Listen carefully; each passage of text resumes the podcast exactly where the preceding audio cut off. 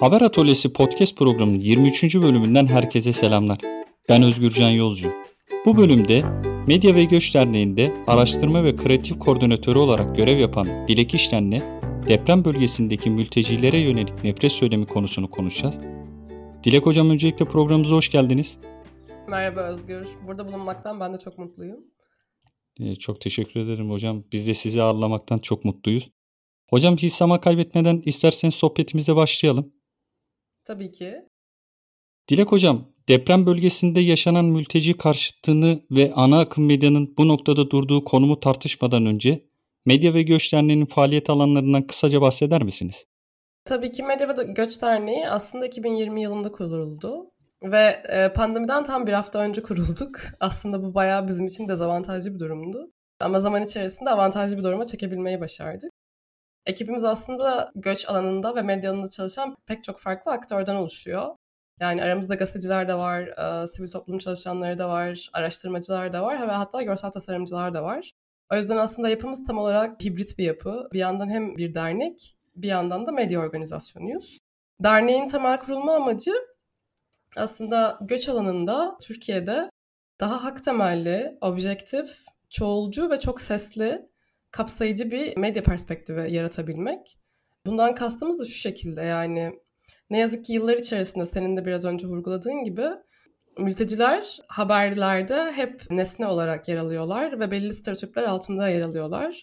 Bunun da temel sebebi aslında haberler içerisinde özne konumuna taşınmamaları ve onlar için gerekli alanın oluşturulmaması, ek olarak medya içerik üreticilerinin de mültecilerin kendisinden oluşmuyor oluşu. Dolayısıyla pek çok dezenformasyona, ayrımcı söyleme ve nefret söylemine yol açıyor bu medyada genel olarak. Biz bunun değişmesi gerektiği taraftarıyız. Çünkü hepimizin medyada bu ülkede yaşayan insanlar olarak eşit derecede temsil edilmeye, sesini duyurulabilmeye ve her konuda objektif ve veriye dayanan bilgiye erişebilmeye hakkı var. O yüzden dernek temel olarak bu konu üzerine çalışıyor. Dilek Hocam, Medya ve Göç Derneği'nin nasıl bir faaliyet alanları var hocam? Açıkçası biraz önce söylediğim gibi daha hibrit bir yapıda olduğumuz için dört farklı faaliyet alanımız var. İlk faaliyet alanımız aslında veri, savunuculuk ve izleme tarafı. Burada tam olarak yaptığımız şey aslında herhangi bir konu üzerine çalışıyorsak göç alanı ve medya alanı ile ilgili ilk olarak sahaya inip bunu araştırıyoruz ve bilimsel araştırma yöntemleriyle bununla ilgili toplayabileceğimiz tüm veriyi topluyoruz ve burada genellikle öznelerden veri elde etmeyi özen gösteriyoruz üzerine çalıştığımız. Daha sonra bu topladığımız veriyi ya da incelediğimiz olguları, ortaya çıkan bulguları bir medya içeriğine dönüştürüyoruz ikinci faaliyet alanında. Bu açıdan aslında hem medya üreticisi hem de tüketicisiyiz.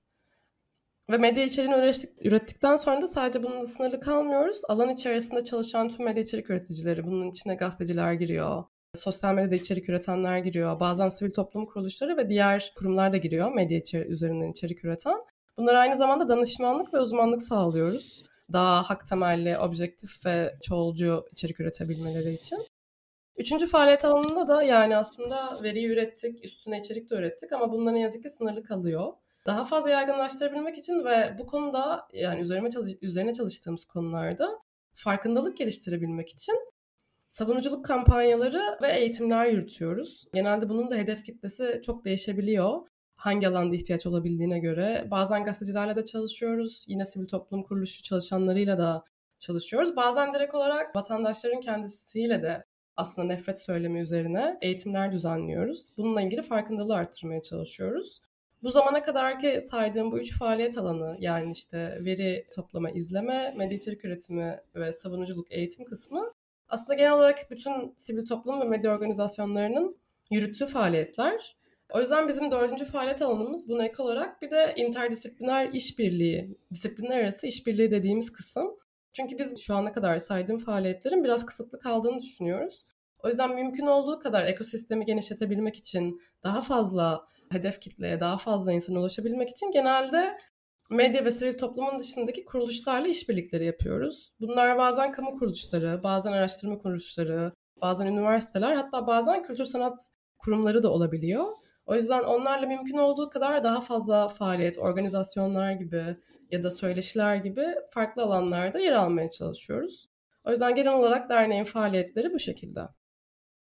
Dilek Hocam bilgilendirme için çok teşekkür ederim. Biz de Haber Atölyesi Podcast olarak Medya ve Göç Derneği'ni dikkatli bir şekilde takip ediyoruz.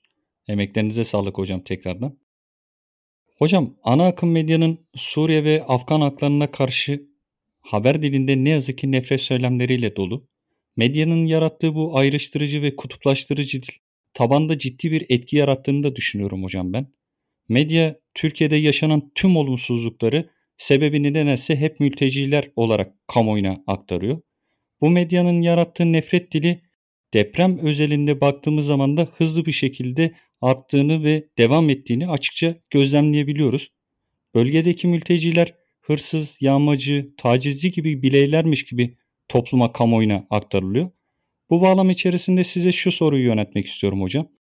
Bir gazeteci mültecilerle ilgili haber yaparken dikkat etmesi gereken noktalar nelerdir? Mülteci haberleri nasıl yazılmalı? Evet yani ne yazık ki biraz önce de bahsettiğimiz gibi son dönemde depremle birlikte daha fazla ağır bir şekilde artışını izledik hep beraber. Mültecilere yönelik ayrımcı söylem ve nefret söylemi zaten çok yaygındı Türk medyasında ve bunun da temel sebebi yani biraz önce de söylediğim gibi yani mültecilerin haberin nesnesi olarak konumlandırılmaları genelde haberler içerisinde. Mülteci sesini duyduğumuz, onların düşüncelerini anladığımız ve bir özne olarak değerlendirebildiğimiz bir haberleştirme motifi yok henüz Türk medyasında ya da çok sınırlı olan örnekler var. Dolayısıyla ilk başta yani bir haberci ya da bir gazeteci olarak konuda içerik üretirken perspektifi değiştirmek gerekiyor. Yani hakkında haber yaz, hazırladığımız mülteci ya da göçmen topluluğa özne gözüyle bakmamız gerekiyor. Ve bunu bu öz temsiliyeti, doğrudan temsiliyeti nasıl sağlayabiliriz? Ürettiğimiz içerikte aslında bunu öncelememiz gerekiyor. Bunun için ilk e, tabii ki de her şeyin başladığı yani haberin başlangıç noktası aslında dil kullanımı. Dil kullanımında bizim en çok karşımıza çıkan şey aslında genelleştirme yapılıyor olması.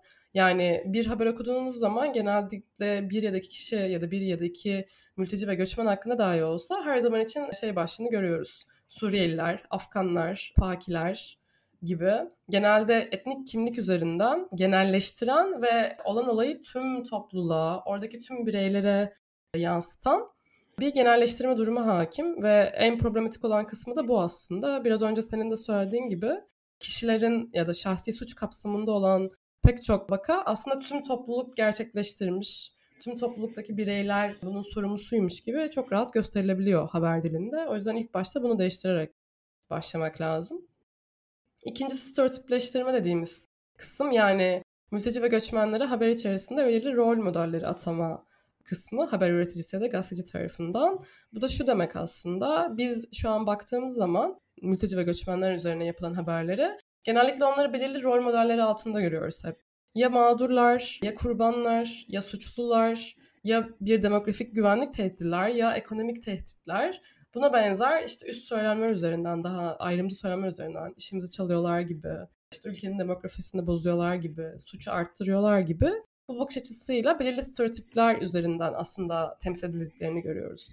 Yani bunun hiçbir zaman için şu ana kadar hani hak temelli haberler ya da buna dair farklı bakış açısı sunan içerikler dışında genelde tek tip bir mülteci profili hakim medyada ve bu profil içerisinde de ülke için her zaman negatif katkılara ya da negatif sonuçlara yol açan ve genelde suçlu ya mağdur ya da tacizci olarak gördüğümüz bugüne stereotipleştirme var. O yüzden ilk olarak bakış açısı olarak yani hani haber üretirken kişinin de bunu kırması gerekiyor. Gazetecinin kendisinin aslında bu ön yargıdan kendini soyutlaması ve karşısındaki vakaya bunun dışında bakabilmesi gerekiyor. Hepsinin ötesinde yani genelleştirme ve stereotipleştirmenin de dışında terminolojiyle ilgili büyük bir sıkıntımız var. Medyada mülteci haberleriyle alakalı. Çünkü doğal olarak yani Türkiye'de göç ve göçle alakalı terminoloji aslında son 10 senedir gelişen bir terminoloji. Türkiye çünkü son 10 senedir aktif olarak göç olan bir ülke. Dolayısıyla buna dair hem medya içerisinde hem içerik üreticileri içerisinde ciddi bir kafa karışıklığı var. Yani işte mülteci mi doğru kullanım, sığınmacı mı doğru kullanım, yoksa uluslararası koruma mı doğru kullanım ve benzeri gibi aslında terminolojiyle ilgili ciddi bir kafa karışıklığı var. Ve dediğim gibi doğru bir eksiklikten geliyor aslında bu kafa karışıklığı. Bunu önleyebilmenin yolu aslında buna dair kaynaklara inmek. Yani mülteci ve göçmenle alakalı bir haber yapıyorsak buna dair doğru kullanımlara içeren kılavuzlar var medya çalışanları için oluşturulmuş. Aslında bu kılavuzlara dönüp ilk olarak bakmak, üstüne çalıştığımız özne ya da topluluk tam olarak nasıl bir iltica durumu içerisinde, bununla alakalı nasıl bir statü sahibinde buna bakıp buna uygun şekilde yazmak gerekiyor. Ama tabii ki de haber odaları çok hızlı çalışmak zorunda kaldığı için ve çoğu gazetecinin bununla alakalı zaman ayırabilme şansı az olduğu için genellikle bu yanlış kullanımlara sık sık rastlıyoruz. Ama işte günün sonunda bu yanlış kullanımlar mülteci ve göçmenlerin hayatına ciddi anlamda etki ediyor ve halk arasında da nasıl algılandıkları üzerinde büyük etkisi var.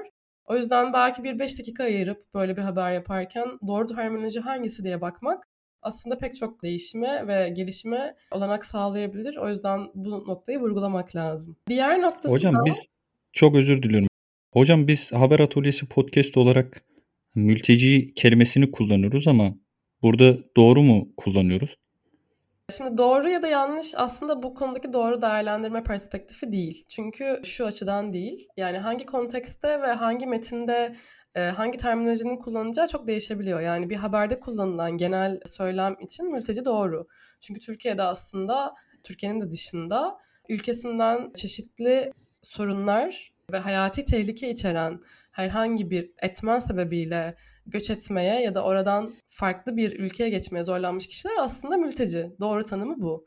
Ama Birleşmiş Milletler'e milletlerce imzalanan Cenevre Sözleşmesi'nin getirdiği çeşitli farklı tanımlamalar var ve bunlar yasal tanımlamalar. İşte mülteci, sığınmacı, uluslararası koruma altındaki koruma altındaki statü gibi çeşitli iltica ile alakalı teknik kavramlar var. O yüzden bazen bu kavramların kullanılması daha doğru.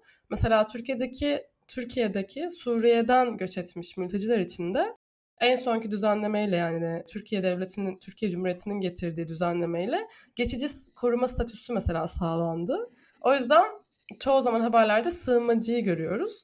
Bu aslında yanlış bir tanımlama değil. Çünkü yasal statüleri Türkiye'deki bu gerçekten. Ama bir yandan da sığınmacı yani hak temelli bakış açısıyla baktığımız zaman olan durumu aslında iyi resmetmiyor. Çünkü sığınmacı statüsü aslında geçici statüdeki yani hani belirli bir süre için bir ülkede bulunan kişilere verilen bir statü. Ama Suriye'den göç eden mültecilerin durumu çok özgün olduğu için ve uzun dönemli olarak Türkiye'de kalmaları gerektiği için buna uygun yeni bir statü oluşturuldu. Geçici koruma statüsü diye. Uzun dönemli ve ucu açık bir şekilde yasada belirlenen. Dolayısıyla hani şu an 12 senedir aslında pek çok Suriye'den göç eden kişi burada yaşıyor bu statü altında. Dolayısıyla artık mülteci statüleri de sığınmacı statüsü de kendi günlük hayatlarında aşırı derecede geçerli olan bir statü değil. Yani 12 senedir burada yaşayan bir vatandaş aslında artık göçmen. Mülteci olmaktan da öte. Dolayısıyla bu statülerin nasıl kullanılması gerektiği ya da nasıl anlamlar yarattığı çok değişebiliyor. Bu bakımdan biz de mesela mülteci ve göçmeni kullanmayı doğru buluyoruz. Mülteciyi hala kullanma sebebimiz de spesifik olarak yani ülkesinde bulunan ağır bir sorun yüzünden burada bulunmasının vurgulanması yani iltica dışında başka bir hayatta kalma şansının olmadığının vurgulanması için kullanılması önemli. Göçmen ise daha aslında kendi inisiyatifi ve kendi iradesi doğrultusunda ülkesini değiştirme ve farklı bir ülkede yaşama kararı almış insanları tanımlamak için daha doğru bir kavram. O yüzden hani bu uluslararası koruma, geçici koruma statüsü ve benzeri sığınmacı statüsü illa haber dilinde yer alması gerekmiyor. Ama bununla alakalı daha spesifik devletin aldığı kararlarla ilgili bir mesela haberleştirme yapılırken bu statünün olduğu gibi kullanılması yani bu isimle kullanılması mesela daha doğru. O yüzden kontekste göre değişebilir kullanımların geçerliliği.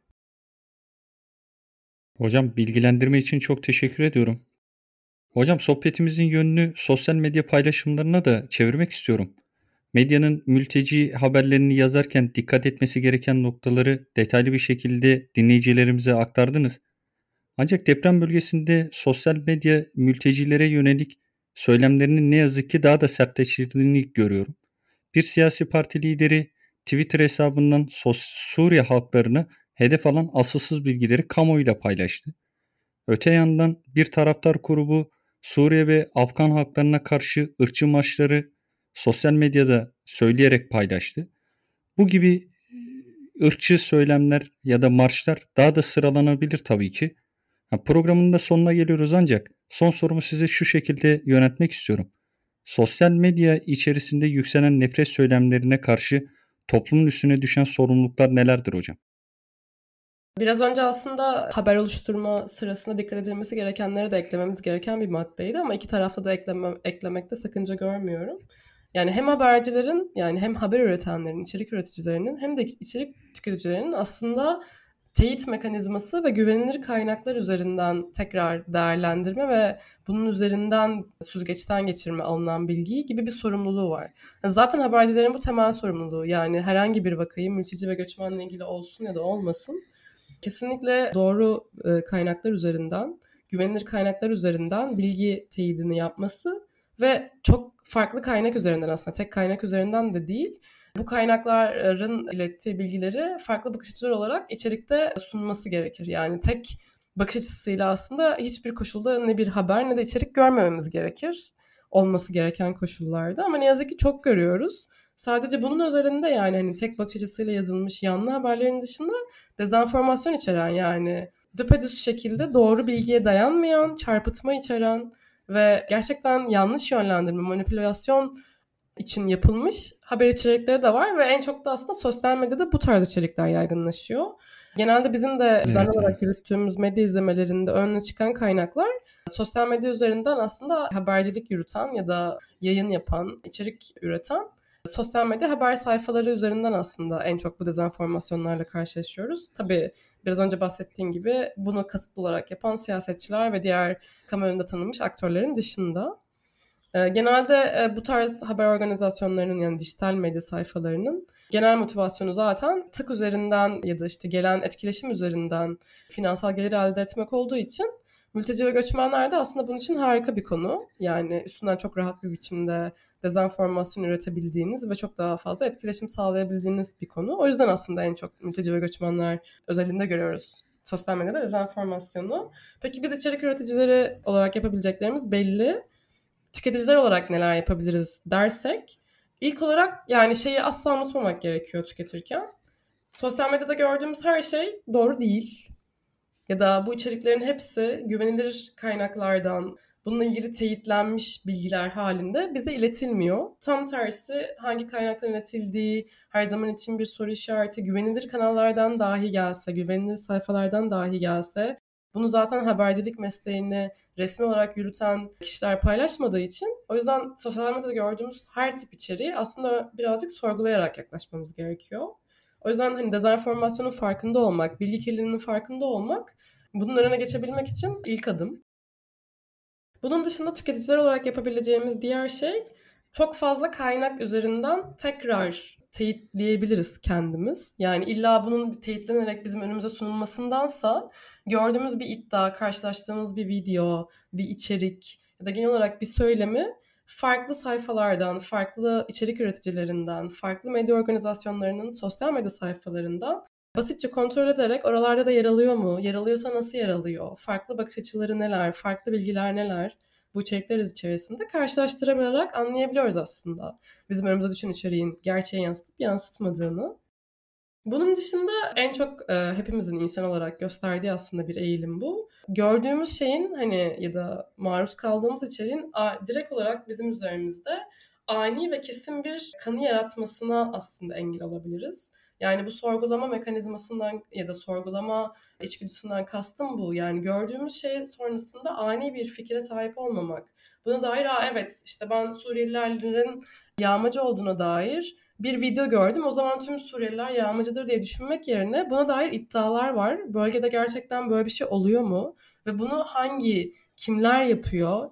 Kim yani ne kadar için geçerli? Bu topluluk e, bu topluluğun hepsi orada bunu yapıyor olamaz zaten şeklinde bakarak gerçeğe daha sorgulama yönelik bakarsak aslında birazcık en başında hem dezenformasyonun hem de ayrımcı söylemin, nefret söyleminin önüne geçebilmeyi başarabiliriz. Bunun dışında yani hadi evet gördüğümüz şeyi sorguladık ve hani bununla alakalı daha çekimser ve bilgili yaklaştık. Başka yapabileceğimiz daha somut şeyler de var. İkincisi aslında bu içerikleri yaygınlaştırmamak yani hani kendi sayfalarımız üzerinden ya da işte hem gerekirse beğenerek gerekirse tekrar paylaşarak doğruluğundan kesin kez emin olmadığımız, teyitinden emin, emin olmadığımız hem söylemleri kesinlikle tekrar yaygınlaştırmamayı tercih edebiliriz. Ek olarak içinde zaten şiddet barındıran, nefret söylemi barındıran, ayrımcı yaklaşan herhangi bir söylem içeren bir içeriği de paylaşmamayı özellikle tercih etmeliyiz zaten hepimiz. Hem kendimiz buna maruz kalmayı istemiyorsak hem de buna başkalarını maruz bırakmamak istiyorsak. Ek olarak tabii hani sadece yaygınlaştırmamak da bir çözüm değil. Sosyal medya platformlarının hepsinde çeşitli şikayet mekanizmaları var. O yüzden bu mekanizmaları kullanmaktan çekinmememiz gerekiyor. İfade özgürlüğüyle ilgili bir tartışma konusu aslında bu mekanizmaların varlığı ama bir yandan da işte özellikle şiddet içerikli, özellikle şiddeti teşvik eden, özellikle nefretin artmasına e, sebebiyet verebilecek tipteki içerikleri, özellikle videoları ya da dezenformasyon olduğu net olan videoları şikayet ederek mesela platformda dolaşımını engellemeyi sağlayabiliriz kullanıcılar olarak. Bunun başka bir yolu da tekrar keza bu içeriklerin altında mesela kaldırılamıyorsa eğer yorumlarımızla buna dair tepkiyi belirtmek. Yani buna dair aslında aksiyon almak. Tabii ki de hani şunu e, vurgulamakta yarar var. Bu demek değil ki sosyal medyada hepimiz sosyal medyada hepimiz birbirimize saldıralım yorumlar üzerinden. Kesinlikle değil ama neden bunun yanlış olduğunu, neden bunun olmaması gerektiğini ve platformda yer almaması gerektiğini belirten yorumlar ilettiğimiz müddetçe aslında nefret söylemi ile öne çıkan, ayrımcılıkla öne çıkan yorumların daha da azaldığını görmeye başlayacağız.